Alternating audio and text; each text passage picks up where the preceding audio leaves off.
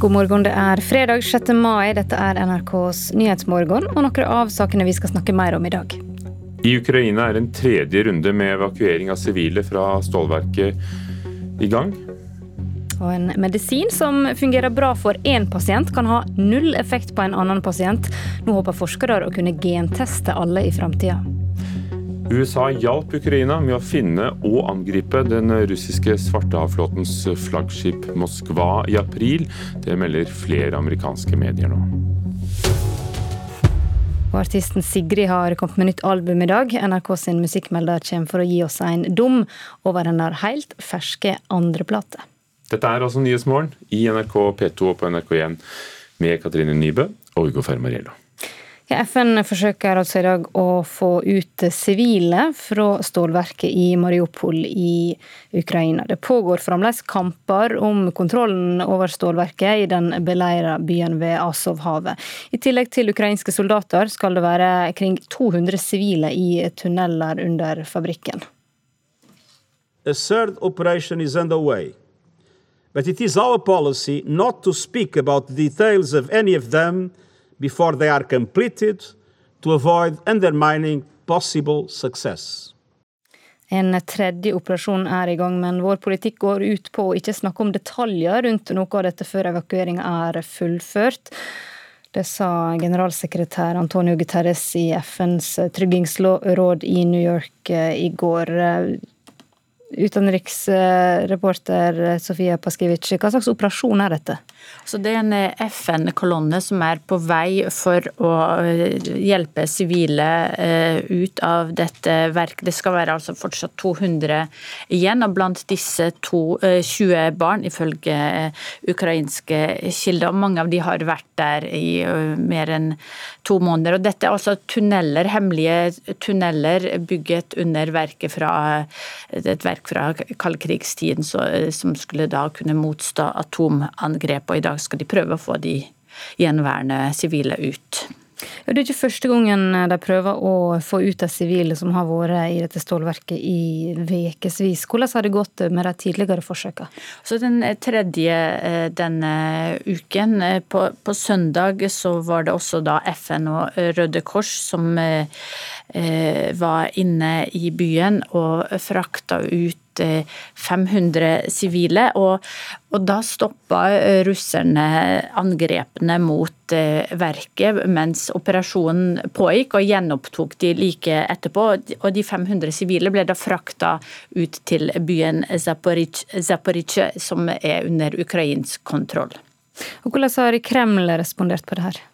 Nei, altså, eh, Putin har eh, for det første så han jo erklært seier eh, over byen, selv om kampene fortsatt pågår. Og han har sagt at hvis soldatene overgir seg, så skal humanitære få slippe ut. Og det har også blitt lovet at humanitære korridorer skal opprettes i dag, men det er usikkert om det blir holdt. Ok, Takk skal du ha, utenriksreporter Sofia Baskevitsj pengemangel blant flyktninger i Norge som eh, bor i statlige mottak, gjør dem mer utsatt for overgrep. Det mener NOAS, organisasjonen for asylsøkere.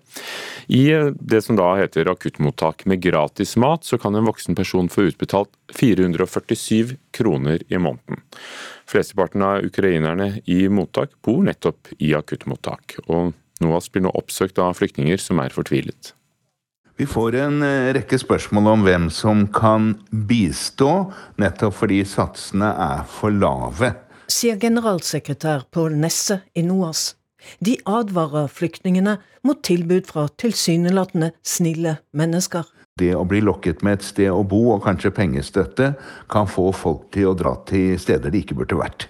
Dette er noe NOAS kjenner til også fra før ukrainerne kom, sier han at dette med disse ekstremt lave satsene lokker lett folk inn i ting de ikke burde bli lokket inn i, og ikke minst gjelder det kvinner. Så det øker risikoen for det nettopp Kripos advarer mot, fare for seksuelle overgrep. Kripos skjerpet nylig sin vurdering av hvor utsatte ukrainske flyktninger er for seksuelle overgrep i Norge, til meget sannsynlig.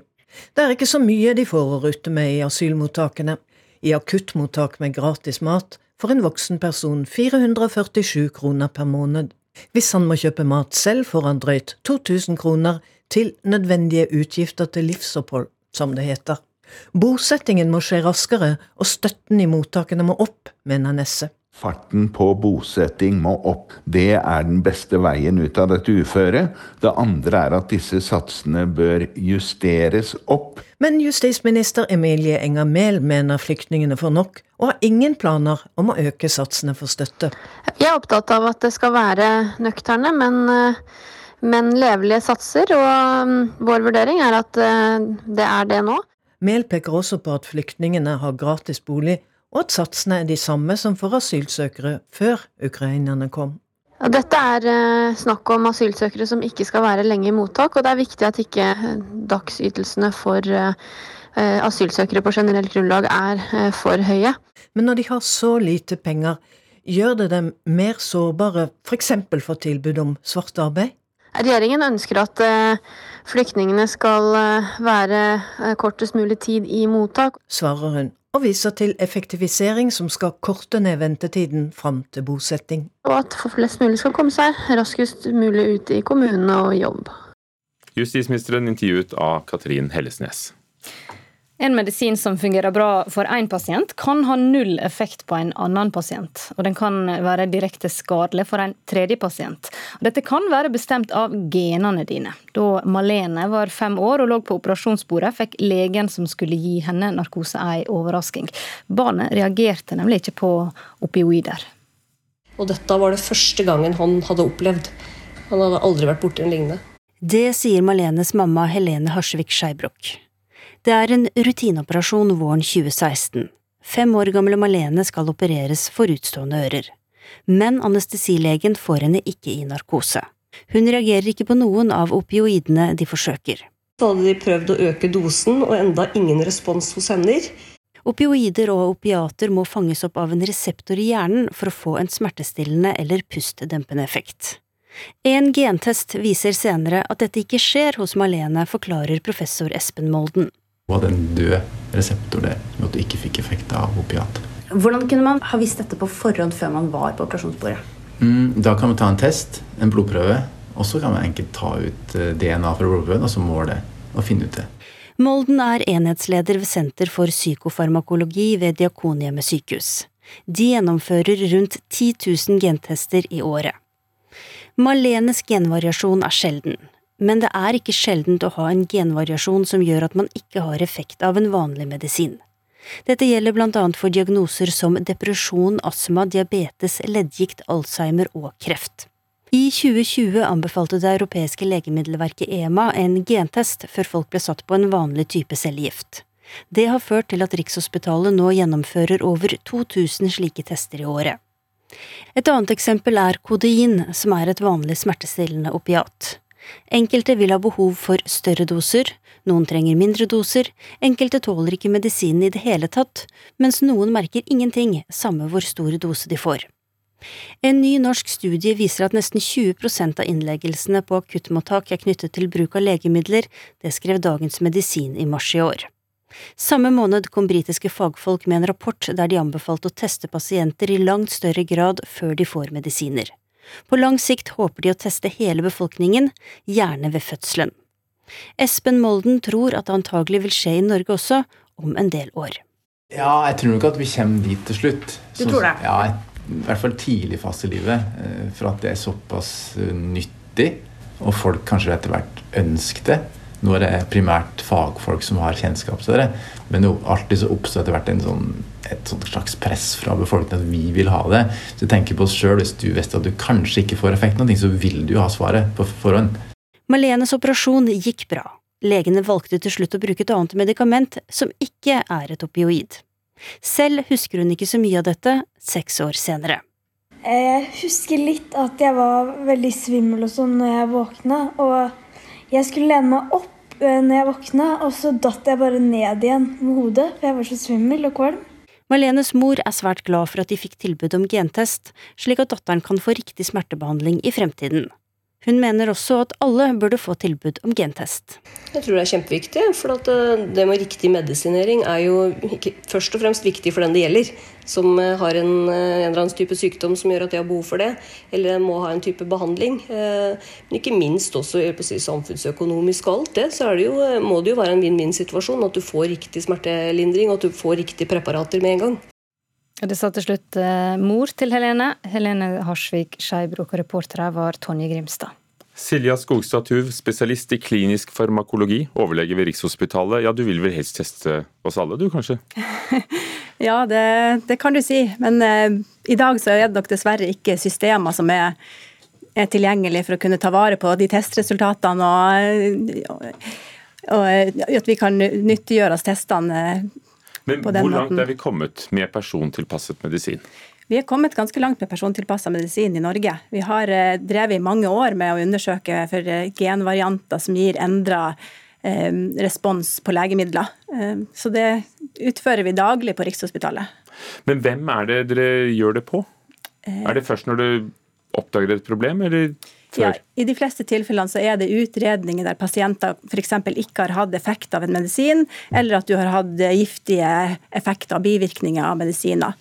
Så er det innenfor veldig mange ulike fagfelt, f.eks. psykiatri, hjerte-kar, eh, gastromedisin, kreftfeltet. Så det er mange ulike fagfelt som benytter seg av de her Altså For å finne ut på bakgrunn av gentesten hvem som tåler å ha glede av hvilke medisiner. Mm. Hvem er det som ikke får effekt av medisiner? Går det an å si noe generelt om det? Nei, altså De fleste av oss vil ha en eller annen sånn her variant i genmaterialet vårt som gjør at vi kan ha en endra respons av et eller annet legemiddel. Så det er ganske vanlig. Og, og hva er det vanlig å reagere på? Eh, for eksempel så er jo det som vi hørte her om smertelindring, da, eh, et veldig vanlig medisin, medisin som heter kodein, som finnes i Paragin forte. Det er jo faktisk 10% av befolkninga som eh, har effekt, og, og 5 som kanskje ikke har noe effekt av det legemiddelet. Mm. Mm. Er det dyrt, eller er det noe å spare på å gjøre det? Vi hørte i reportasjen ja. Eh, at moren her sier at det, det, vil være samfunnsøkonomisk fordelaktig. Eh, nei, de, de, analysene som vi har i dag er ikke spesielt dyre, da. Um, det avhenger litt på størrelsen av genet, hvilket gen du tester, hvor mye penger det blir. Men rundt sagt kanskje 4000-5000 for alle de genene vi, vi kjenner som vil ha betydning for legemiddelomsetninga. Men når du sitter der med felleskatalogen og alle de titusenvis av medikamenter som finnes, mm. vet dere alltid hvilke gener som responderer på altså hva, hva, de forskjellige medikamentene passer til, hvem de passer til? Ja, Dette er ganske godt kartlagt, eh, i hvert fall for de mest kjente variantene. Det er klart det finnes jo mange sjeldne varianter, sånn, sånn som den som vi hørte om i reportasjen her, som er mer sjelden i befolkninga. Men de mest kjente variantene de kjenner vi til, og det er godt kartlagt. Men tror du det blir vanligere og vanligere? Altså at dette blir standarden? At du blir eh, gentestet når du skal på et sykehus? Um, Eller få en behandling? Ja, altså det, det er jo det innenfor mange, kreft, innenfor mange fagfelt. F.eks. innenfor kreftfeltet og um, ja, noen hjerte-karsykdommer litt uh, ulikt. Men um, jeg tror det blir vanligere og vanligere ettersom vi får systemer som kan ta vare på resultatene og gjøre at vi kan gjenbruke det igjen. Og Når vi da har gentester som finner ut hvilke medisiner vi responderer på og ikke, det, hvor langt er det kommet med medisiner som er tilpasset den enkelte? Ja, altså du kan si de her Gentestene er jo en måte å tilpasse medisinene til den enkelte. Sånn at Hvis vi da finner en sånn genvariant hos en pasient, så vet vi i de fleste tilfeller hva vi skal gjøre da, med å tilpasse dosering eller bytte legemiddel. Men Silja Skogstad Tuv, når du går tilbake til Rikshospitalet i dag, hva er det mest spennende dere forsker på nå? Hva er det mest banebrytende dere driver med? Eh, ja, jeg kan jo kanskje trekke frem det som, eh, det som har vært litt nevnt her eh, tidligere. At eh, man kanskje kan genteste alle innbyggerne ved fødsel. Og så har man et system som kan ivareta de resultatene. Og så når man da en gang blir gammel og skal bruke medisiner, så har man en, eh, et svar på den gentesten og kan tilpasse der og da. Hvor langt unna er vi noe sånt? Ja, det er, det, er altså det, det, medisinske og det analytisk-tekniske, det er jo på plass. Men eh, det henger vel mer på det her med IKT-systemer og logistikk.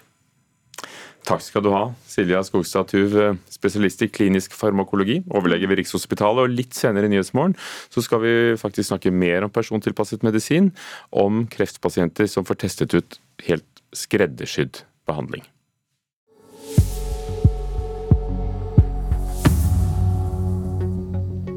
Klokka den er 6.45. Dette er Nyhetsmorgen.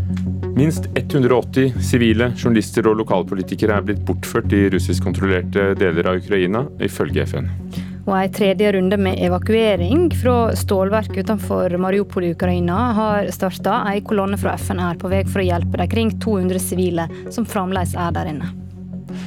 NOAS mener at pengemangel blant flyktninger som bor i akuttmottak, gjør det mer utsatt for overgrep. Og så ser det ut til at de konservative ikke gjør det så bra i gårsdagens lokalvalg i England, så det skal vi også komme tilbake til i løpet av Nyhetsmorgen. Australske Sheldon Riley ble som liten diagnostisert med Aspergers syndrom. Rundt samme tid oppdaga han Eurovision Song Contest for første gang. Og På torsdag så ble han en av de første deltakerne i konkurransens historie som er åpen om sin Asperger-diagnose.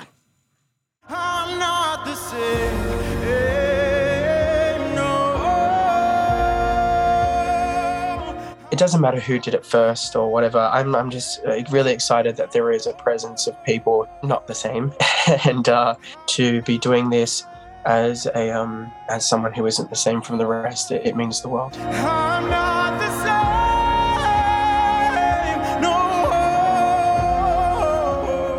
Så lenge Sheldon Riley kan huske, har hans største drøm vært å representere hjemlandet Australia i Eurovision Song Contest. Men Asperger-diagnosen har bydd på store utfordringer for den unge artisten. told for a very long time what I was going to be capable of, what I was going to be able to achieve. So it's taken a lot of work, but not being the same doesn't need to be a bad thing. På torsdag får han drømmen sin oppfylt. Da skal 23-åringen kjempe om en finaleplass for Australia med låten Not The Same. I was told at six years old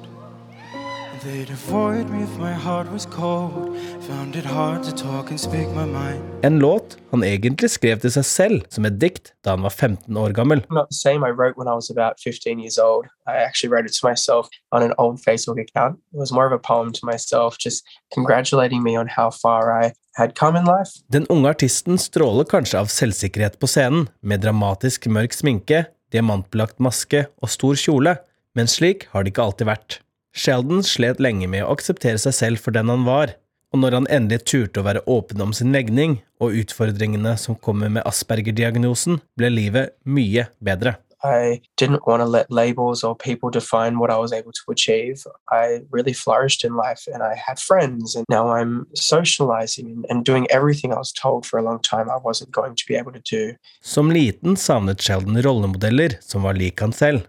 Han tror han ville akseptert seg selv mye tidligere i livet om han hadde hatt noen å se opp til. open about their stories, then I would have felt a lot safer growing up, and I probably would have come to terms with my differences a lot earlier in life. Men hva kan en slik tilstedeværelse på en så stor plattform som Eurovision er, bety for de som sliter med det samme? For de som er interessert i Eurovision, så har det betydning. Hvis man ikke er inne i den kulturen, så har det nok veldig lite å si. Det sa nestleder i Autismeforeningen Joakim Svendsen. Videre forteller han at gode rollemodeller er viktig for alle, og trekker frem øyeblikket da fjorårets norske Eurovision-bidrag Tix tok av seg solbrillene på scenen og viste oss alle hvordan han slet med Tourettes. Mange av de unge som har Tourettes, de, de så opp på han og, og, og syntes det var kult at han faktisk gjorde det han gjorde. Og det er nok på samme måte at de som sliter med det at de kanskje føler seg veldig annerledes, de vil kunne bruke O'Reilly som et forbilde. Og se opp til og faktisk se at her er det noen som er gode på ting. Om under en uke entrer Sheldon scenen i Torino med en klar beskjed til alle de som sliter med det samme som han. Work your butt off. Work as hard as you possibly can. People are not going to really understand who you are, but that's okay. And that's awesome. And that's so good because, I mean, how boring would it be to be like everybody else?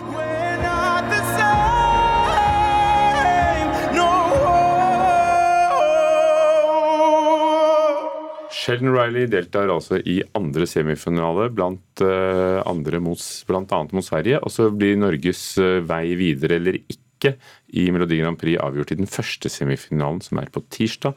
Reporter Jonathan Gotheim Nilsen. Veien mot den vanskelige andreplata, det er det mange som snakker om. Etter hennes første gjennombrudd i 2017 med hitlåta 'Don't Kill My Vibe', har Sigrid Råbe, også kjent som artisten Sigrid, gitt ut både EP og album, turnert store scener i Europa og verden, vært på de største talkshowene og delt reiser med sine fans i sosiale medium. I dag er hennes nye album 'How To Let Go' ute, og hun framførte singelen 'Burning Bridges' hos Lindmo sist høst.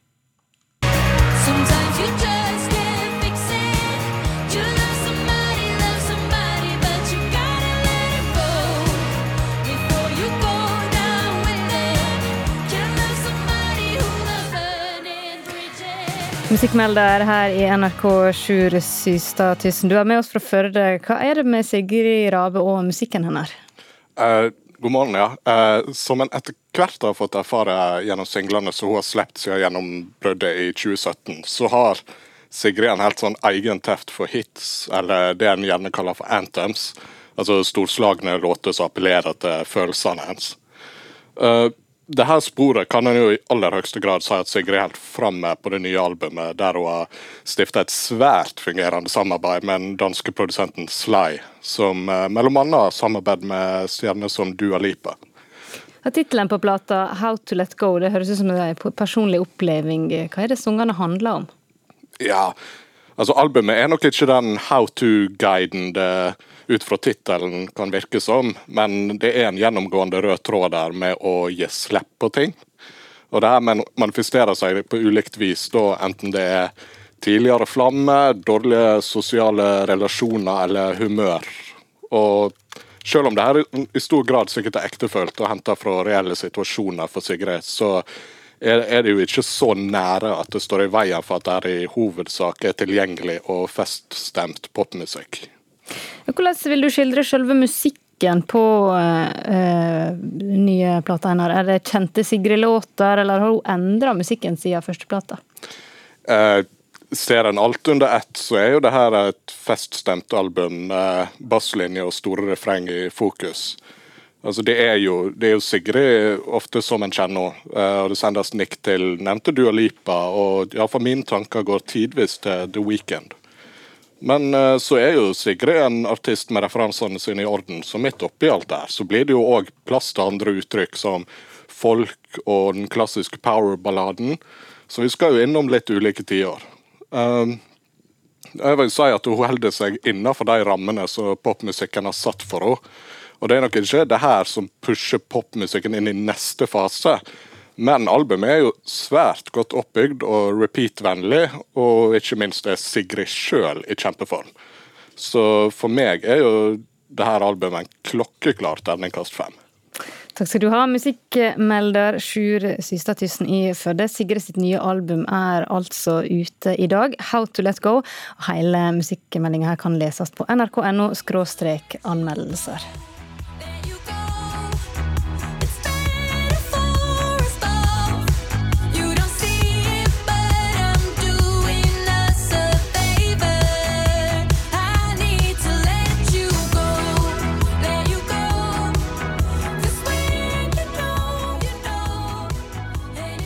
Sjøisen, som eh, det blir mindre av, eh, endrer leveområdene for isbjørnen på Svalbard. I fremtiden vil bjørnene i større grad trekke til områdene nord for Svalbard og østover mot de russiske områdene. Det tror Norsk Polarinstitutt. Den bruker helt andre områder nå uh, enn den gjorde. Rett og slett fordi det er andre områder hvor du kan være isbjørn og kan jakte. Fordi sjøisen er nå 200-300 km lenger nord enn den var for bare noen tiår siden. Jon Aars ved Norsk Polarinstitutt har nettopp kommet tilbake fra tukt på Svalbard. Gjennom hele april har han gjennomført den årlige helsesjekken av isbjørnbestanden på øygruppa. Rundt 50 dyr har blitt bedøvd, for så å bli grundig undersøkt av forskerne. Kikker alltid på tennene, da får du en god idé om alder på bjørnen. Her ser du det er en forholdsvis ung bjørn. Veldig fine tenner. Skarpe og fine og lite slitasje. Ifølge Års står det i dag bra til med den såkalte Svalbard-bestanden, som totalt teller rundt 3000 dyr. Likevel er det bekymringsfulle endringer på gang. Stadig mindre sjøis er i ferd med å endre levesettet for isbjørn, men også leveområdene. Allerede har dyrene forsvunnet fra deler av øygruppa. Vi ser det jo for så vidt allerede deler av Svalbard. På Hopen f.eks., hvor det brukte å være mye bjørn og veldig store deler av året, så har vi nå eh, lange perioder uten at det er bjørn der, eh, når det ikke er sjøis der. og Bjørnøya brukte det jo også å være mer bjørn før, og, og er mye mindre bjørn nå. I framtida tror forskerne at isbjørnen vil flytte seg lenger nord, men også lenger øst og inn i russiske områder. Og Hvis det blir helt isfritt rundt Svalbard det, det, meste av året, så betyr det at bjørnene er nødt til å leve lenger oppe i iskanten. Og Da er det jo avhengig av at det er is der, selvsagt. Og, og, og, de vil også ha jaktområder over veldig mye dypere vann som er mindre produktive. Og så forventer man kanskje at mer og mer av bestanden vil trekke over mot eh, vestlig russisk Arktis. Frans Josef-land, som har en uh, veldig stor andel andel av, av den Barentshavbestanden som Svalbard er et, en del av. Faktisk eh, kanskje nesten tre fjerdedeler av, av alle bjørnene er mer på russisk side enn på norsk side i dag. Det er sysselmesteren som har det daglige forvaltningsansvaret for isbjørn på Svalbard. Også miljøvernsjef Kristin Heggelund har registrert at isbjørn har begynt å flytte på seg.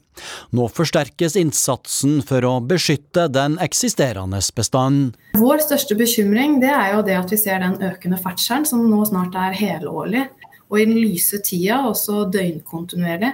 Sånn at den isbjørnen forstyrres jo veldig mye der ute i felt.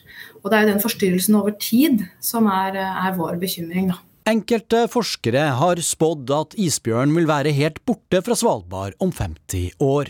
Jon Aars tør ikke være like bombastisk. Men, men at det er eh, svært sannsynlig at eh, bestanden eh, går ned, det, det tror jeg. Og så er det jo litt komplekst på Svalbard også fordi disse lokale bjørnene som er der, ikke har så mange konkurrenter. Vi får, vi får se om 50 år, men jeg tør ikke garantere noe en eller andre veien der. Isbjørnforsker Jon Aars ble intervjuet av Rune Norgård Andreassen, vår reporter. Verdens sjeldneste sjøpattedyr, California-nisa, kan bli redda fra utrydding dersom det blir en stans i garnfiske med en gang. Det syner en rapport fra Universitetet i San Francisco. Nisene er ikke målet, men de går ofte i garn som er regna for fisk, og det finnes i dag bare ti ville California-niser igjen. Rapporten syner at dyra som fremdeles finnes, har genetisk mangfold, og at de kan bli flere dersom garnfiske i området deres blir forbudt. I USA blir ofte presidentens pressetalsmann eller -kvinne kjente personer. Og nå skal Joe Biden og Det hvite hus få seg en ny pressesekretær. Det er Karine Jean-Pierre, som overtar neste uke når Jen Psaki gir seg. Hun skal um, bli journalist og kjente offentlige figurer, så derfor er det historisk når hun er den første svarte personen som blir det. Og så er det heller ingen hemmelighet at hun er homofil. Og det er hun klar over selv også, at dette er ganske historisk. I'm still processing it because this is a historic moment and it's not lost on me. And so it is an honor and a privilege to be behind this podium in about a week or so. Neste uke begynner hun, så dette blir kjent uh, i går kveld norsk tid. Karine Jean-Pierre, ny pressetalskvinne i Det hvite hus. Politiet skal etterforske en hending der fem passasjerer forlot et Wizz Air-fly i Bodø i går uten lov. Eh, flyet var på vei fra Polen til Harstad-Narvik lufthavn, men mellomlanda i Bodø for å fylle drivstoff. De fem som gikk av uten lov, skulle til Bodø, opplyser politiet, men det var ikke et mottaksapparat på plass på flyplassen da flyet landa. Passasjerene som nytta seg av snarveien under mellomlandinga, kan få høye bøter. To andre passasjerer blir meldt til politiet etter å ha oppført seg ufint. Og så vil jeg nevne at For den som følger med på Nyhetsmorgen, så skal vi ha intervju med Håvard på 103 og 96 år gamle Rolf, som begge opplevde andre verdenskrig, og sier at vi ikke må ta freden for gitt. Begge sier krigen i Ukraina går sterkt innpå dem, og at frigjøringsdagen, det er på søndag, er viktig. Så, så heng med. Det kommer om en tre kvarters tid her i Nyhetsmorgen NRK P2 og på NRK1.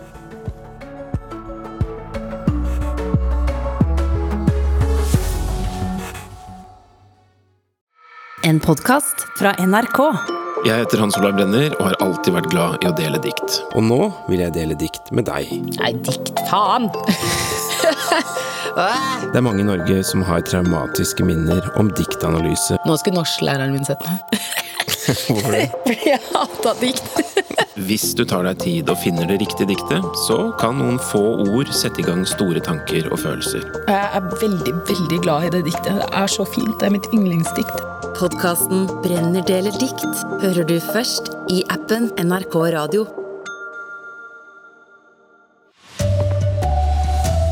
Her er NRK Dagsnytt klokka sju. FN gjør i dag et nytt forsøk på å få ut de siste sivile som ennå er igjen inne i stålverket i Mariupol i Ukraina. Fra før er flere hundre sivile evakuerte fra stålverket, der kamper fremdeles går føre seg mellom ukrainske og russiske soldater. Dagens evakueringsforsøk er det tredje på kort tid, sier utenriksreporter Sofia Paskiewicz. Så Det er en FN-kolonne som er på vei for å hjelpe sivile ut av dette verket. Det skal være altså fortsatt 200 igjen, og blant disse to, 20 eh, barn, ifølge eh, ukrainske kilder. og Mange av de har vært der i eh, mer enn to måneder. Og dette er altså hemmelige tunneler bygget under verket fra kaldkrigstiden, som skulle da kunne motstå atomangrep. Og i dag skal de prøve å få de gjenværende sivile ut. Pengemangel blant eh, flyktninger i asylmottak gjør dem mer utsatte for overgrep og tilbud om svart arbeid. Det mener Norsk organisasjon for asylsøkere, NOAS. I såkalte akuttmottak med gratis mat kan en voksen få utbetalt 447 kroner i måneden. De fleste ukrainerne som har kommet til Norge, bor i slike mottak. Generalsekretær i NOAS, Pål Nesse, advarer flyktninger mot tilbud fra folk som virker snille. Vi advarer mot det å ta imot tilbud, som vi jo dessverre kjenner flere som har fått, fra folk de ikke kjenner om et sted å bo, og kanskje også jobb. I Kina har tallet på døde stiget til 53 etter at en bygning raste sammen i Honan-provinsen i forrige uke. Styresmaktene tror nå alle som var sakene er funnet, og redningsaksjonen er avslutta. Den siste overlevende ble funnet i går, og i alt ti personer ble funnet i live i ruinene. Årsaka til kollapsen er ikke kjent. Kinesiske medier melder at bygningseieren og flere andre er arresterte. I dag sier ledelsen i Heimevernet takk og unnskyld til soldatene som kom først fram til Torghatten-ulykka. Det er første gangen soldatene får en offisiell takk for innsatsen. Det er i dag 34 år siden et Widerøe-fly styrta inn i fjellet utenfor Brønnøysund, og 36 mennesker omkom. Litt over 70 personer fra Heimevernet deltok i redningsarbeidet. Flyselskapet Widerøe krever 100 000 kroner fra en mann som slo seg vrang da han ble nekta alkoholservering. Det melder BA. Flyet var på vei fra Bergen til Bodø, men snudde for å sette av mannen i Bergen natt. Widerøe vil ha dekka ekstrautgifter til bl.a. drivstoff, hotellopphold, mat og ombookinger for passasjerer, samt eh, for ekstra mannskap som måtte bli kalla inn. NRK Dagsnytt var ved Vidar Eidhammer.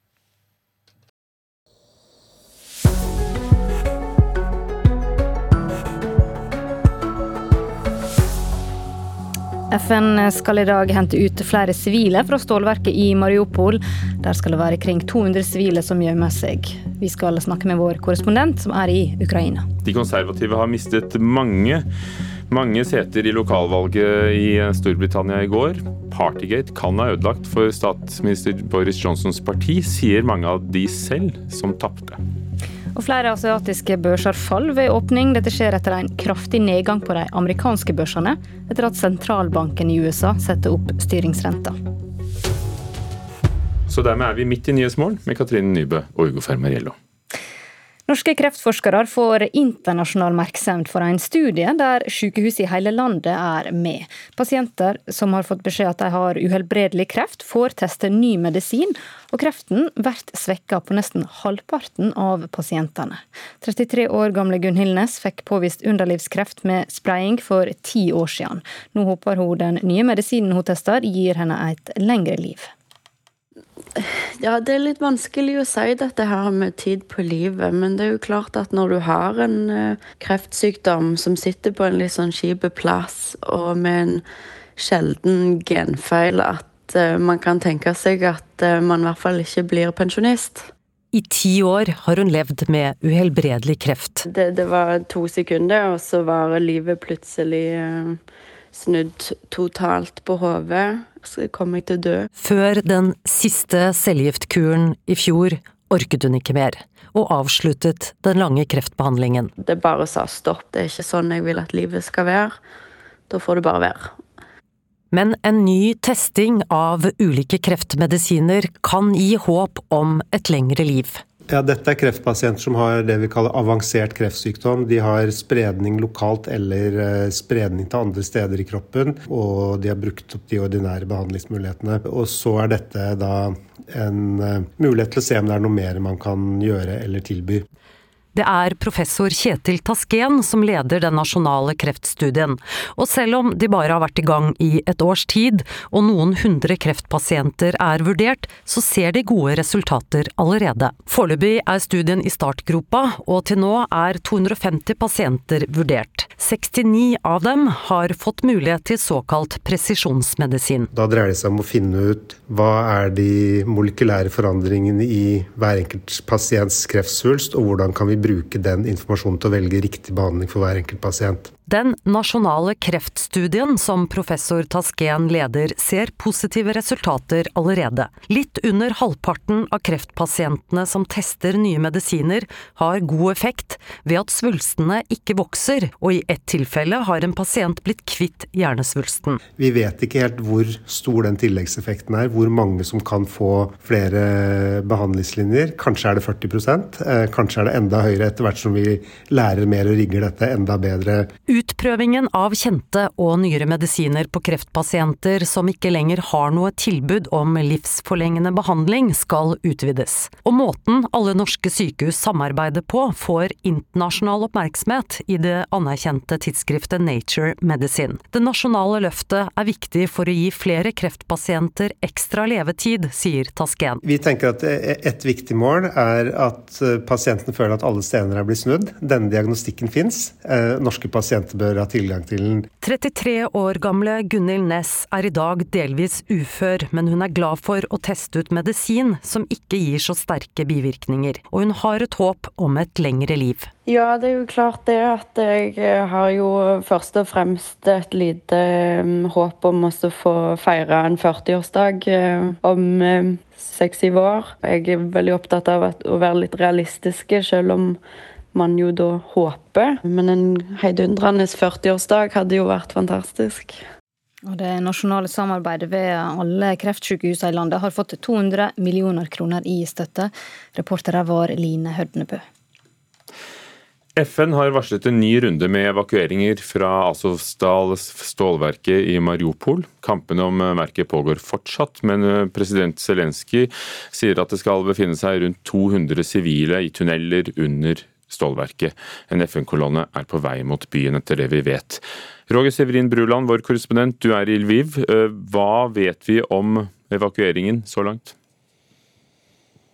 Det har jo vært eh, veldig harde kamper der, ifølge det ukrainske forsvaret. Det har vært det her eh, digre anlegget har blitt eh, bomba. og de hevder det at de har klart å drive eh, tilbake russiske styrker enda en gang.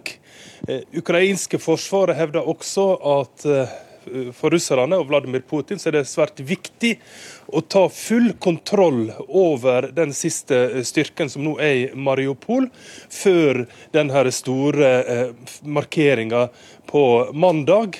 Slik at en frykter nye angrep, og da er det klart viktig å få ut de siste sivile som er i anlegget. Men det kom jo kritikk eh, under forrige runde, da en mente at eh, to sivile eh, ble drept i sammenheng med evakuering. Så, så det er klart det er stor risiko forbundet med, med, en sånn evakuering, men samtidig så er det jo en, en svært svært krevende og uholdbar situasjon for de sivile som, som, er på det her anlegget som har vært under beleiring i lang lang tid. slik at de aller fleste vil nok velge å bli evakuert ut hvis de får muligheter til det. Mandag er jo da seiersdagen over Nazi-Tyskland under og etter andre verdenskrig. Og når vi da ser bildene fra Mariupol, utbombede bygninger, ingen vindusruter igjen, noen helt i grus, tomme gater. Hvem er fortsatt igjen i resten av byen? Det er jo ei stor hemmelighet hvor mange soldater som er igjen i det her stålverket. Og det her er jo et digert anlegg som er like stor som en bydel. En hjørnesteinbedrift i denne byen som nå er smadra sønder og sammen. Og de har jo holdt ut lenge. Mange av dem hevder de, de, er jo fortsatt veldig aktive på uh, sosiale medium, og, og, de hevder jo det at de ikke vil bli tatt til fange, men vil bli drept hvis de overgir seg. Slik at de vil kjempe til siste mann. Og, og hele denne motstanden her har jo blitt en stor verkebyll for russiske styrker, som ja, nå eh, har kontroll, har lag, fått den der landbroa fra Russland og til, til Krim, så, så, er jo den her motstanden en, en stor stor verkebyll. Det, det, det bitter jo opp Roger, militære styrker. og Altså, det som jeg har blitt fortalt av de som, de som har venner og slekt inn i byen der, så det er jo en, en stor eh, europeisk by som har blitt eh, eh, knust til pinneved. Altså at der, der er ingenting igjen. Liksom. Altså der er den, den, er rett og slett rasert av artilleri. slik at det som er av av, la og veldig mange har blitt eh, deportert, blir det også hevda, inn i Russland. slik at eh, det er ikke så mye igjen eh, av denne byen. Utfordringa for vi som er i media, er jo det at her er det jo full russisk kontroll. slik at alle detaljene har en jo rett og slett ikke, bortsett fra at en kan se disse her forferdelige bildene av, av en knust by. Men takk for de detaljene du hadde, Roger Sivrin Bruland, som er altså i byen Lviv. Og I går så var det ti uker siden krigen i Ukraina starta, og vi tenkte å oppsummere litt med Kristian Aatland, seniorforsker ved Forsvarets forskningsinstitutt. God morgen. Hvor mange av de målene som Russland hadde da de starta krigen, har de faktisk klart å oppnå? Svært få. Eh, dette fremstår stadig mer som en eh, mislykka operasjon, den russiske invasjonen av Ukraina.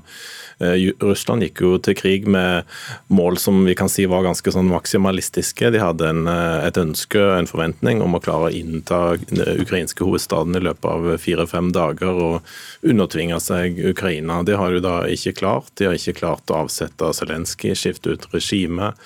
Eh, de har ikke klart å knuse Ukraina militært. Eh, tvert imot har Russland hatt store militære tap på, disse ukene. Altså På ti ukers krigføring i Ukraina så har Russland mista flere soldater enn Sovjetunionen mista på ti års krigføring i Afghanistan mellom 1979 og 1989. Så det har ikke gått eh, spesielt godt.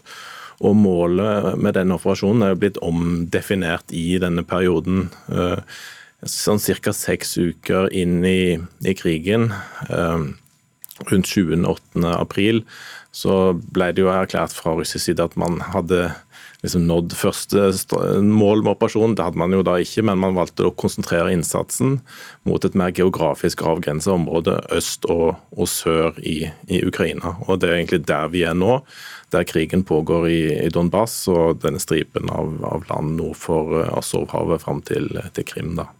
Hva er de humanitære konsekvensene av denne krigen? Ja, De er så store at vi nesten ikke klarer å forestille oss de.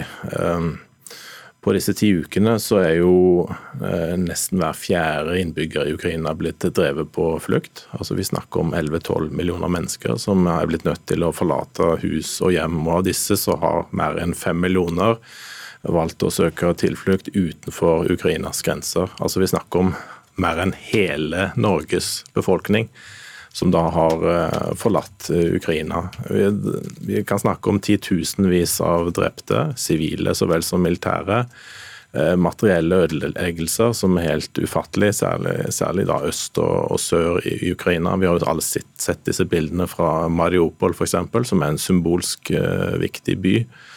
Um, havneby, eh, industriby, eh, som er lagt i ruiner. Eh, det er nesten ikke en uskada bygning igjen. Og Det samme kan vi si om en by som Kharkiv nordøst i, i Ukraina. Stor by med stor etnisk russisk befolkning, som jo er ødelagt. Og Det er òg en indikasjon på at Putin ikke har nådd dette uttalte målet om å beskytte i Unnskyld, beskytte russere i Ukraina. Eh, disse byene jo, har jo en stor russisk befolkning. Eh, Mariupol hadde jo ca. 44% russere før krigen. Eh, Kharkiv over 30% russere. Og De er også blitt drept. De er også blitt drevet på flukt, og mange av de er også blitt deportert til, til Russland mot sin vilje, som, som vi hørte. Og På mandag så er det 9. mai, og vi hørte så vidt eh, Roger Severin Bruland snakke om det. Det er dagen Russland tradisjonelt feirer sigeren over Nazi-Tyskland. Mange er jo spent på hvordan Putin vil bruke den dagen til å markere krigen. Hva tror du? Ja, Dette er jo en symbolsk viktig dag i, i Russland. Eh, de feirer jo den 9. mai, dagen etter oss. Vi feirer den 8. mai. Eh, som markerer da seieren over Hitler og Tyskland. Og Putin vil da holde en tale og knytte seg stor spenning til hva han vil si i den talen. Sannsynligvis vil han prøve å trekke paralleller mellom den andre verdenskrig, kampen mot Hitler-Tyskland og kampen mot det han kaller nazister da, i Ukraina. Han har jo forsøkt å framstille Zelenskyj og hans regjering som en gjeng med nazisympatisører. og Dette er et narrativ som han sannsynligvis vil spille videre på i denne talen. Og så vil han kanskje forsøke å annonsere en eller annen form for seier, at Russland har oppnådd eh, noe i denne krigen. Han har, må liksom ha et fikenblad av en, en, seier som han kan gjemme seg bak. da. Og så knytter det seg usikkerhet til om han vil annonsere en opptrapping av denne krigen. Eh, iverksette en full mobilisering på russisk side, innkalle alle reservestyrker og forsøke å trappe opp denne krigen. og Det vil jo være en dramatisk eskalering i en ny fase i, i denne krigen, hvis, hvis, så skulle skje. Mm. Mandag 9. mai, altså. Det gjenstår å se. Takk skal du ha, Kristian Aatland, seniorforsker ved Forsvarets forskningsinstitutt.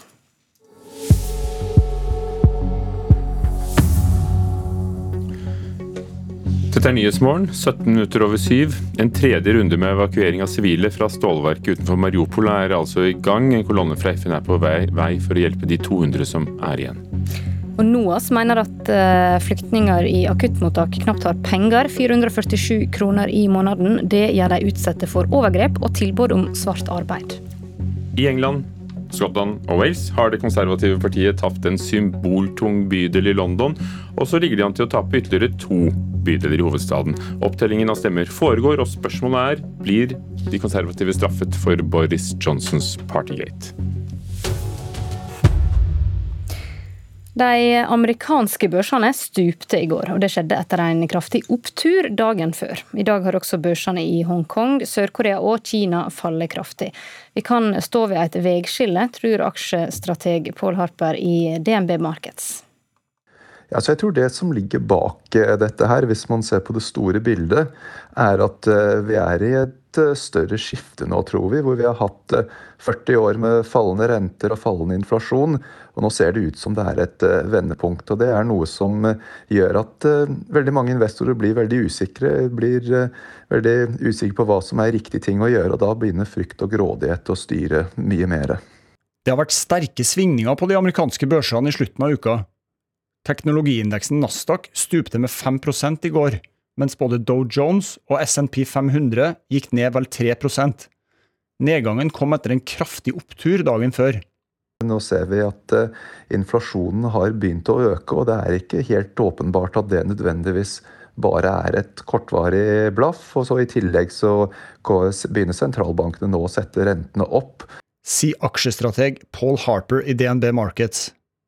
De store svingningene kommer etter at den amerikanske sentralbanken satte opp styringsrenta med 0,5 prosentpoeng tidligere denne uka. Det var det største rentehoppet i USA på over 20 år. Årsaken til rentehevinga er kraftig prisvekst i USA. Det er klart det er veldig stor usikkerhet nå. Vi ser at børsene steg mye i forgårs, og så falt de mye i går. Så det er mer usikkerhet enn vanlig. Og en viktig grunn til det er at vi ikke helt vet hvor mye penger selskapene vil tjene i år. Vi har gått gjennom noen år nå med veldig god inntjening, og nå er det litt usikkerhet i forhold til at eh, prisene stiger, rentene kommer opp, og da er vi usikre på hvor mye penger folk har råd til å kjøpe for. Si investeringsdirektør Robert Ness i Nordea. Hvor mye har dette her å gjøre med rentehevinga i USA denne uka? Det er klart det har nok mye med det å gjøre, for man er usikker på om man hever renten for mye eller ikke. Klart I forgårs så så feiret markedet oppgangen ved at de trodde de gjorde det riktig fordi at de økte renten med halv prosent, og så sa de at det blir ikke så veldig mye økninger framover. Men så i går kveld så kom de på litt andre, litt andre tanker. Reportere var Kristian Skårdalsmo. Nå telles det for fullt i Storbritannia etter lokalvalget i går. Og det konservative partiet har tapt, som vi var innom, en symboltung bydel i London. Og så ligger de an til å miste ytterligere to bydeler i hovedstaden. Opptellingen foregår ennå. Regjeringspartiet ligger an så langt til å ha gjort et dårlig valg. Og korrespondent Gry Blekastad Almås, hvor dårlig valg har regjeringspartiet gjort det?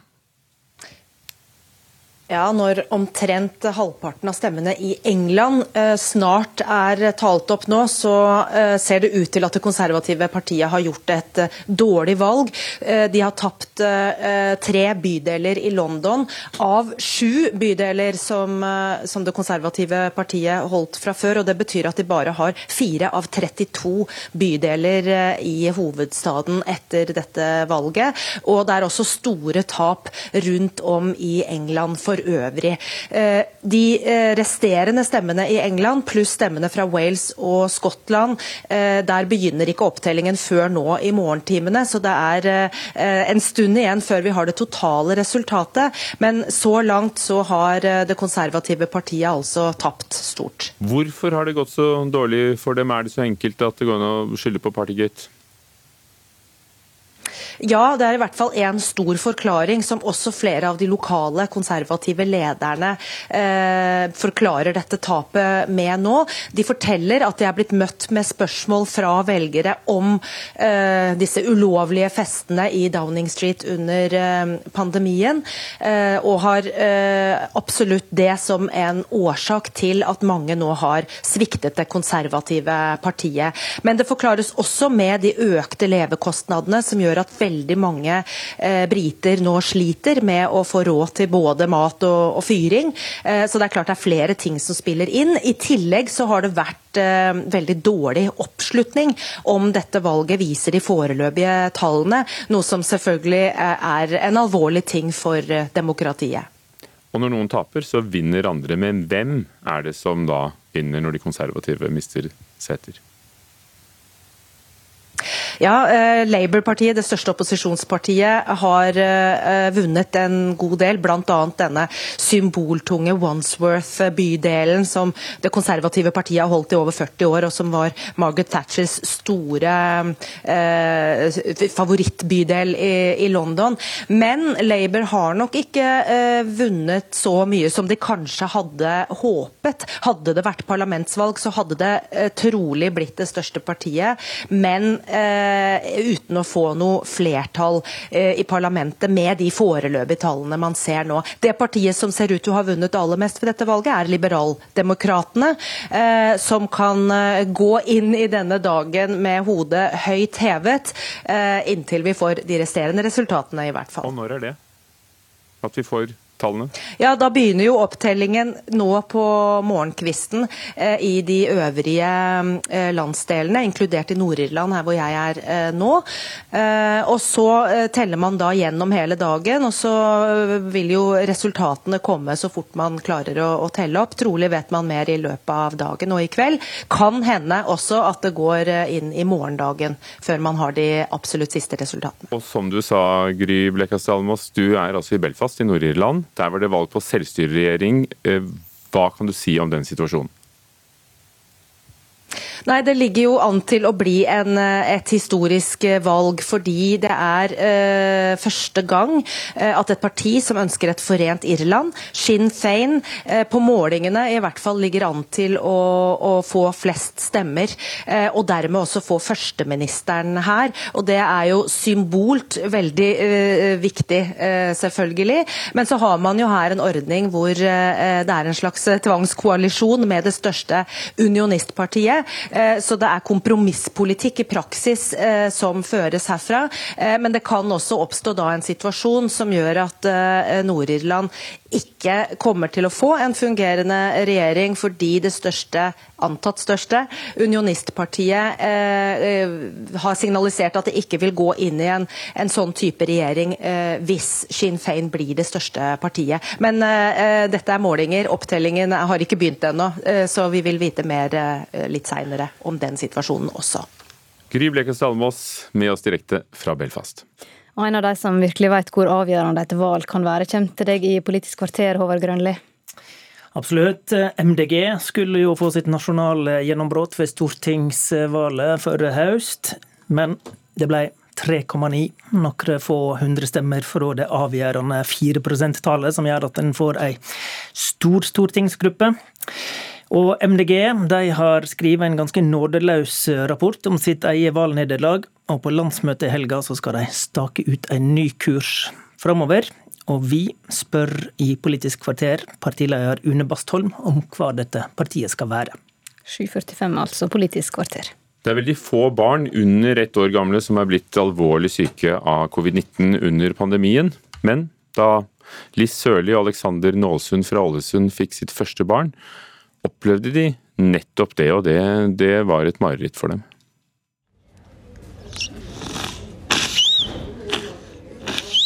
Dette er lyden av den fem måneder gamle babyen Hermine. Hun ligger i armene til mamma Liss Sørli. Hun har en sonde i nesen, for hun spiser ikke sjøl. Og så har hun en trakostomi som hjelper henne med å puste, med tanke på at stemmebåndene hennes ikke fungerer. da. Sørli testa positivt for korona da hun skulle føde på sykehuset i Ålesund. Far Alexander Nålsund var også smitta, og fikk ikke være med inn på fødestua. Det var ganske kjedelig. Jeg har gått hele, hele graviditeten og sagt at jeg gleder meg til å være med på fødselen. Og sagt at jeg skal være med på alt og støtte henne gjennom hele. Og så kom dit da, så fikk jeg ikke være med og støtte opp på selve fødselen. To dager etter fødselen, og alene i barsel på sykehuset, fikk Sørli vite at den nyfødte jenta også var smitta med covid-19. Jeg tenkte ikke så mye over det. Jeg tenkte at det var en vanlig forkjølelse. Liksom at hun ikke kom til å reagere noe som helst. Sørli og dattera ble utskrevne, men etter noen dager hjemme oppdaga pappa Nålsund en natt at babyen pusta tungt. En helsesykepleier som kom på hjemmebesøk, råda familien til å reise tilbake til sykehuset. Her ble det oppdaga at Hermine hadde låg oksygenmetning, og etter noen dager ville legene i Ålesund sende henne til Ullevål sykehus. Men før hun kunne reise dit, ville de gjøre ei intubering, altså føre et plastrør ned i luftrøret hennes for å sikre at babyen hadde frie luftveier. Og så skulle de intubere henne, og da når jeg tok nedi respiratoren, så sprakk lungen. Og så fikk hun luft rundt hele begge lunger og rundt hjertet. Da. Og da fikk hun hjertestans. Og ja, de prøvde nå å gjenopplive henne i 40 minutter. Men vi vet ikke hvor lenge hun lå. Hadde hjertestans, da. Legene fikk liv i Hermine igjen, men hun kunne ikke flyttes til Ullevål. Hun ble flytta til intensivavdelinga på Ålesund sykehus. Der ble hun i fire måneder, og det har vært en tung prosess for den vesle familien. Det var ganske tomt. Det var noe skremmende. For jeg fødte nå et friskt barn. Altså plutselig blir jeg jo så alvorlig syk av noe jeg ikke trodde gikk an å bli så syk av. da. Overlege i Folkehelseinstituttet, Margrethe Greve Isdal, sier det er uvanlig at barn under ett år blir alvorlig syke av korona. Vi har jo tall på hvor mange barn under ett år som har vært eh, syke i, eh, i Norge, og hvor mange som har vært innlagt på sykehus. Og totalt sett i hele pandemien har det vært åtte barn som har vært innlagt på intensivavdeling under ett år. Så det å bli så alvorlig syk at man trenger intensivbehandling, det er veldig sjelden for koronaviruset. Det er ennå usikkert om Hermine vil få seinskader av sykdommen, men etter forholdene har hun det bra nå. Nå går det veldig fint. Hun, eh, hun har noen sånne hosteanfall, men ellers så er det ikke noe problem, egentlig. Det sa mammaen til Hermine, Liss Sørli. Reportere var Oda Lødemel. Det er straks klart for Dagsnytt her i kanalen.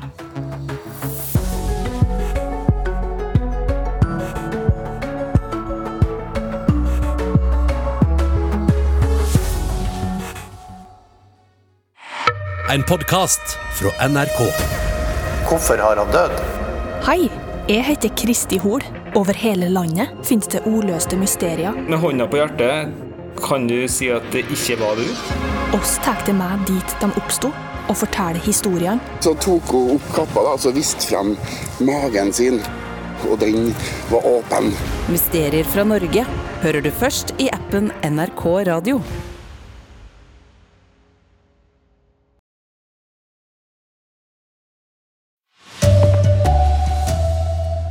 Selskapet som vil starte ei omstridt gruve i Førde, får nye strenge miljøkrav fra staten. Norsk prosjekt gir håp om lengre liv til folk med uletelig kreft. Og pengemangel blant asylsøkere i akuttmottak gjør de utsatte for overgrep, mener NOAS. Det å bli lokket med et sted å bo og kanskje pengestøtte kan få folk til å dra til steder de ikke burde vært. God morgen, her er NRK Dagsnytt klokka 7.30. Regjeringa skjerper miljøkravene til selskapet Nordic Rutile, som vil starte gruve i Førdefjorden. Prosjektet har vært omstridt, og denne veka ble flere demonstranter arresterte for sivil ulydnad. Selskapet har fått løyve til å dumpe masser i Førdefjorden. Dette får de fremdeles lov til, men selskapet må nå legge fram en ny driftsplan før de får starte opp, sier næringsminister Jan Christian Vestre. Ja, Departementet har nå gått grundig gjennom denne saken og kommet fram til at uh, selskapet i Førdefjorden etter gjeldende minerallov må innvilges driftskonsesjon. Men så vil jeg også understreke at uh, klagene har ikke vært uh, forgjeves. Jeg har lyttet til miljøbevegelsen, og derfor har jeg brukt mitt handlingsrom maksimalt til å stramme inn miljøkravene i driftskonsesjonen. Og før selskapet kan starte utvinning, så må bl.a. driftsplanen være godkjent av direktoratet. og det vil altså kun skje dersom de nye og skjerpede miljøkravene oppfylles, og det kommer jeg til å følge med på at skjer. Det sa næringsminister Jan Christian Vestre. Du kan lese mer om saka på nrk.no. Til Ukraina nå. FN varsler en tredje runde med evakuering av sivile fra Mariupol. Ukrainske styresmakter mener det fremdeles er kring 200 sivile i det ødelagte stålverket i byen, der det også er harde kamper. Korrespondent Roger Severin Bruland, du er i Lviv, vest i Ukraina. og Hva vet du om evakueringa? Ja, En kolonne er på vei fra FN. Et svært farefullt oppdrag, da det både har vært bombardement og kamper inne på Azovstal. Men jeg håper altså da at ei lita våpenhvile kan vare, slik at en får ut de aller siste sivile. I tillegg så er det jo også 100 000 sivile igjen i Mariupol, som, som mangler både mat og vann og, og det aller mest elementære tinga som mennesker trenger. Så har det også kommet meldinger om en um, ukrainsk motoffensiv ved Kharkiv. Hva kan du si om det? Ja, Generalstaben sier nå at Ukraina er inne i den, en ny fase av krigen, der en har gått mot, imot offensiv i byen Isium og eh, Ukrainas andre største by, eh, Kharkiv, der en nå eh, prøver å eh, ta tilbake drabantbyer nord eh, for eh, byen. Og En ser jo også på rapporter fra de områdene der, spesielt de nordlige drabantbyene Kharkiv, at en, en nå tar ene drabantbyen etter den andre opp mot grensa til til Russland. Takk, korrespondent Roger Severin Bruland. Flyktninger på asylmottak mangler penger, og det gjør de mer utsatte for overgrep, mener Norsk organisasjon for asylsøkere, NOAS. I såkalte akuttmottak med gratis mat kan en voksen få 447 kroner i måneden, og NOAS blir oppsøkt av flyktninger som er fortvila. Vi får en eh, rekke spørsmål om hvem som kan bistå, nettopp fordi satsene er for lave sier generalsekretær Pål Nesse i NOAS. De advarer flyktningene mot tilbud fra tilsynelatende snille mennesker. Det å bli lokket med et sted å bo og kanskje pengestøtte kan få folk til å dra til steder de ikke burde vært. Dette er noe NOAS kjenner til også fra før ukrainerne kom, sier han. At dette med disse ekstremt lave satsene lokker lett folk inn i ting de ikke burde bli lokket inn i, og ikke minst gjelder det kvinner. Så det øker risikoen for det nettopp Kripos advarer mot, fare for seksuelle overgrep. Det er ikke mye de får å rutte med i mottakene.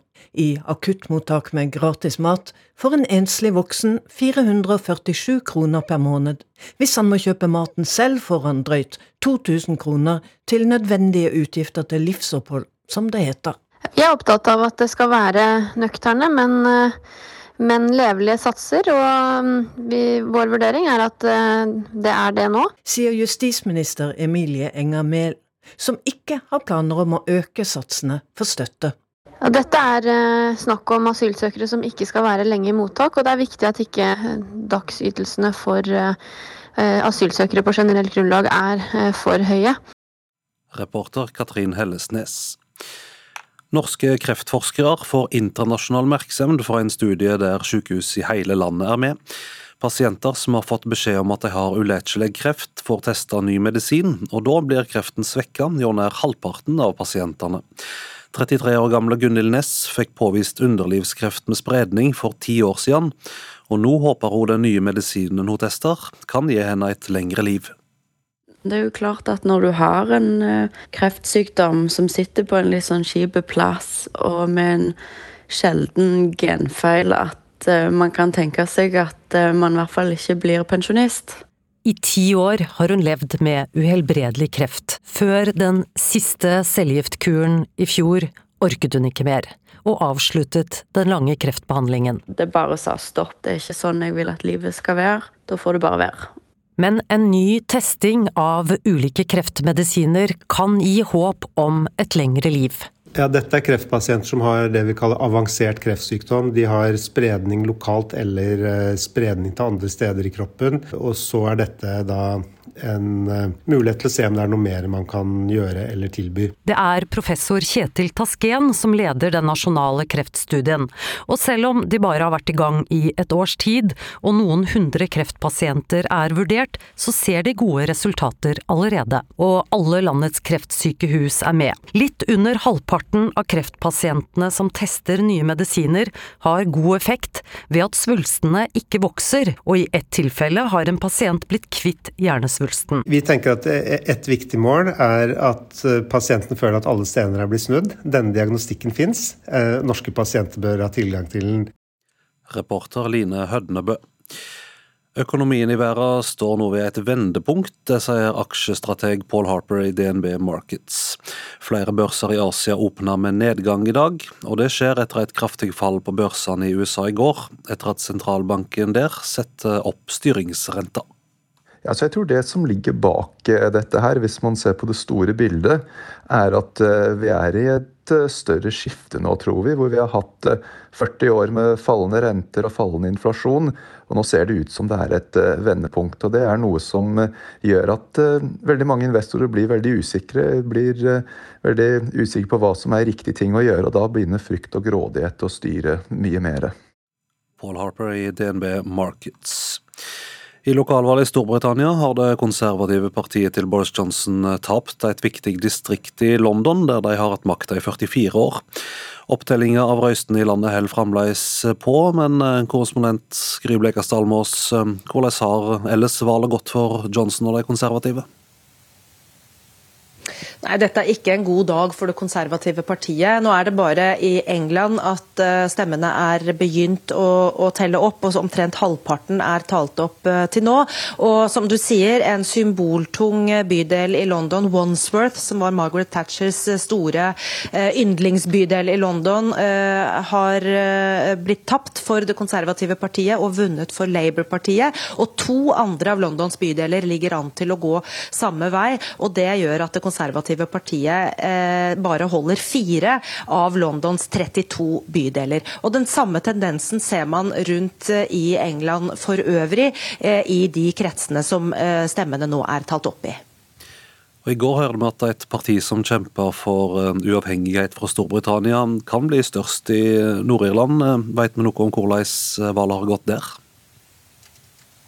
Nei, Her har ikke eh, stemmene begynt å bli De, de begynner med opptellingen nå i, i, morgentimene. Det samme gjelder i Wales og eh, i Skottland og i, i halvparten da, av eh, Englands distrikter. Så vi vil med, vite mer utover dagen, men det vi ser fra de opptalte stemmene i England, er jo at Labour, det store opposisjonspartiet, heller ikke gjør et eh, veldig godt valg. De gjør et godt valg, men eh, ikke så godt som det kunne ha håpet når regjeringspartiet er i den krisen eh, den er i. Eh, men det blir også spennende å følge utover. Det ser ut til at Liberaldemokratene er det store eh, vinnerpartiet så langt. Takk, korrespondent Almås.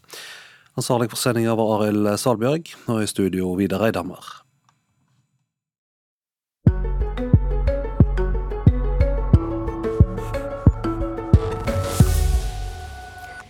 Ikke ta freden for gitt, det sier 103 år gamle Håvard Jorde og Rolf Fjell på 96 år, som opplevde andre verdenskrig på nært hold.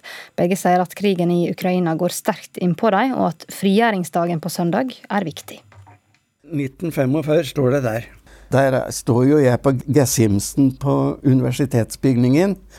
Alle gikk med, med hatt, ser du der. Den eneste som ikke har hatt, er deg. Den lille meg der.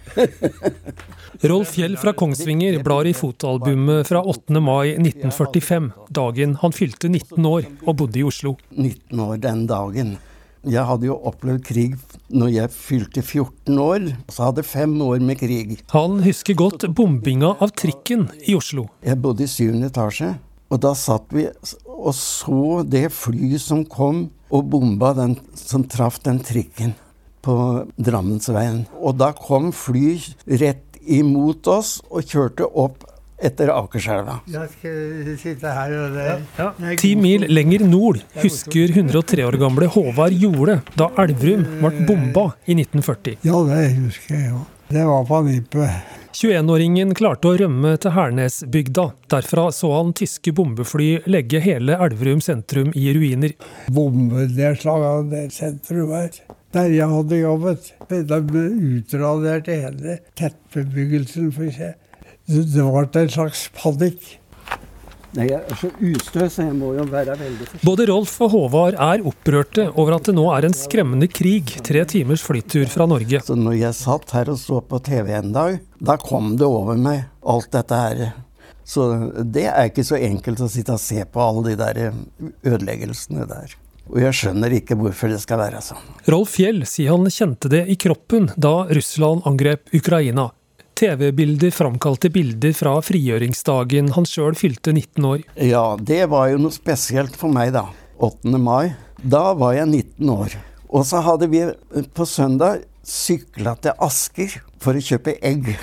Og så bakte bestemor bløtkake til meg. Og så ba jeg disse her kameratene mine fra Youngstorget på selskap da hjemme i Lakegata. Da ble det feiring. Og når de skulle gå hjem om kvelden, da var det skyting fra taket på Østbanestasjonen. Og det var sånne nazister som, som skulle vise seg litt, da.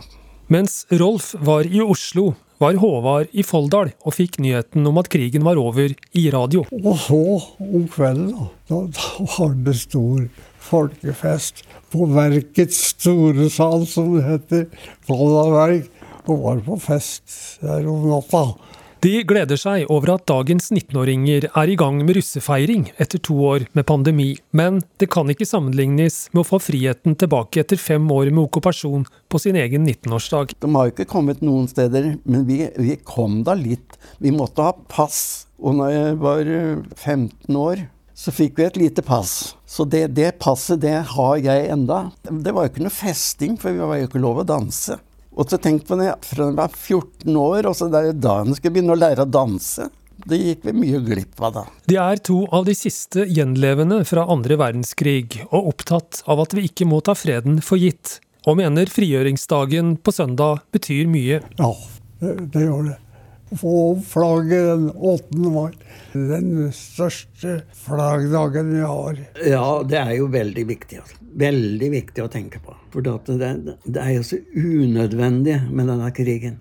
Uansett hvor det er. Og menneskene ser ikke ut som de har forandra seg stort. Det er bare om å gjøre å bli stor. Det er det som jeg syns er så fælt. Noen må være små. Jeg er liten, så jeg veit jo åssen det er. og det har gått bra. Ja, Det sa Rolf Fjell, som altså fyller 96 år på selveste frigjøringsdagen. Han og Håvard Jorde ble intervjua av Steines Eide.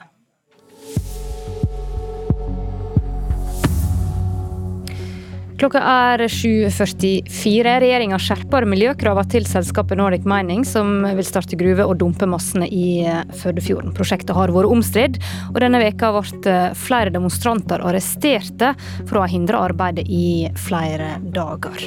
Og FN skal i dag hente ut flere sivile fra stålverket i Mariupol. Klokka er straks 7.45. Det blir Politisk kvarter med programleder Håvard Grønli.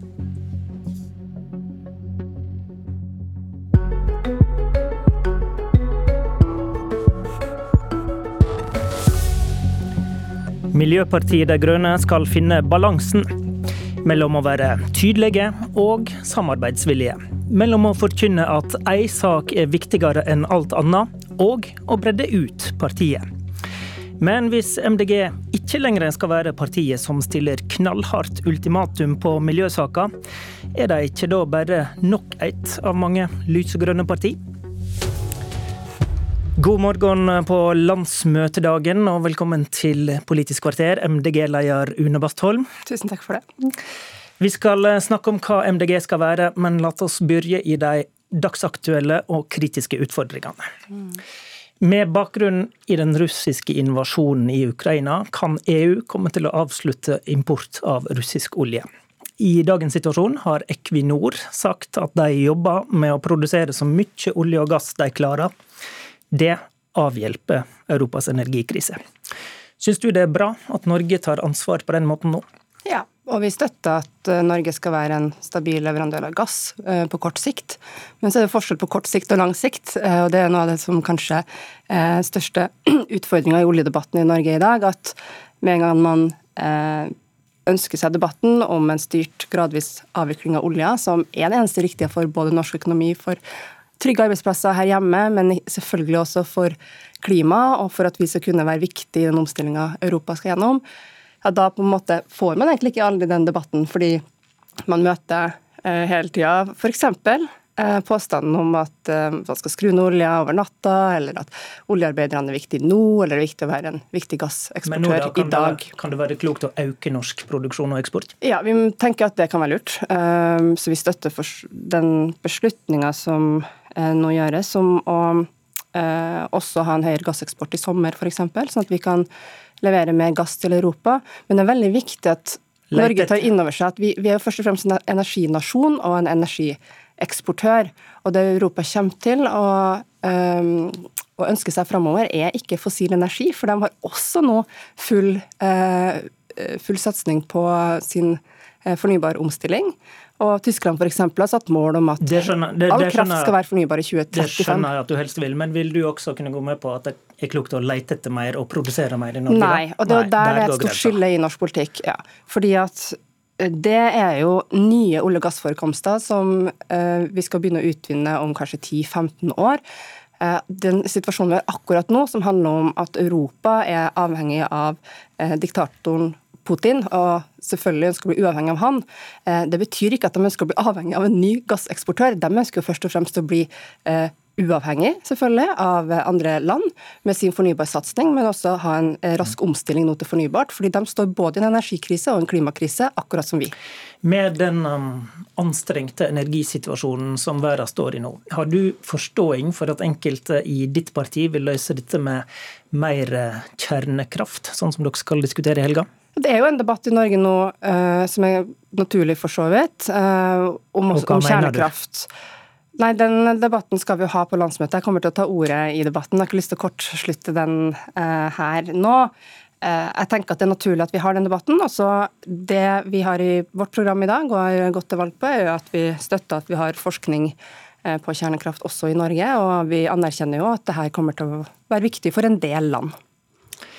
MDG framsto som krasse, kompromissløse, umodne og enspora. Det er ikke mine ord, det er partiet sine egne ord i evalueringa av valgkampen 2021. Rapporten kritiserer også at dere stilte ultimatum om at det ikke skulle letes etter mer olje i Norge. Er tida for ultimate krav fra MDG forbi? Vårt hovedkrav eh, om å ikke støtte en regjering som åpner nye olje- og gassfelt, det kommer jo av at det er en faktisk tålegrense hos oss. altså Forskjellen på oss og noen andre partier i Norge at når vi har en sånn tålegrense, så sier vi det på forhånd. Eh, det er jo ikke noe vi satt av taktiske grunner. Og jeg tror at vi lever i en tid hvor eh, nå FNs generalsekretær sier det samme som oss. OECD også har bedt Norge om å legge en plan for å fase ut alle, alle, oljesubsidier. Alle kjenner analysen. Spørsmålet er ja, men, strategien. Er tida for ja, ultimate krav forbi? Denne analysen har jeg faktisk ikke fått sagt så veldig mange ganger.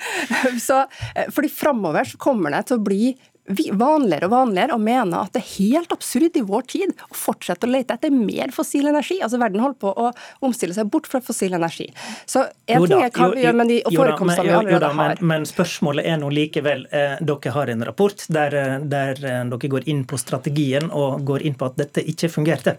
Eh, for å spørre på en annen måte, da. Var det etter ditt syn det med at dere stilte ultimate krav som gjorde at dere havna i en posisjon der dere nå ikke får påvirka politikk nasjonalt? Nei. Og jeg mener at Vi har ikke noe grunnlag for å si at det at vi eh, var så tydelige på vårt hovedkrav, eh, gjorde at vi ikke fikk de 1700 velgerne som vi da mangla for å komme over sperregrensa, f.eks. Så du er ikke helt enig i denne evalueringa, da? Det evalueringa sier, er at det ultimatumet forsterka jo et inntrykk som vi nå forstår, eller det forstår vi, at, uh, av at vi er for smale. Vi trenger å få fram mer av bredden vår, mer av verdigrunnlaget vårt og helheten i politikken vår. Uh, og det var jo også en valgkamp i Norge som var veldig prega av oljesaken. Jeg er stolt over at vi var med å bidra til det, for det gjorde jo også at veldig mange partier i Norge var nødt til å snakke om sin klimapolitikk og oljepolitikken sin. Og Det betyr at det er litt vanskeligere for regjeringa nå å måtte stå i det når de gir blaffen i klima og i, i en mer ansvarlig oljepolitikk etter valget. Og jeg mener det har vært en veldig viktig rolle vi har hatt. og så men så ser vi jo at for at vi skal få eh, bygd oss enda sterkere, eh, bli større nasjonalt som vi er lokalt Veldig mange steder lokalt så er vi eh, med å styre, og vi er, vi er, jo også til stede i alle typer politiske saker.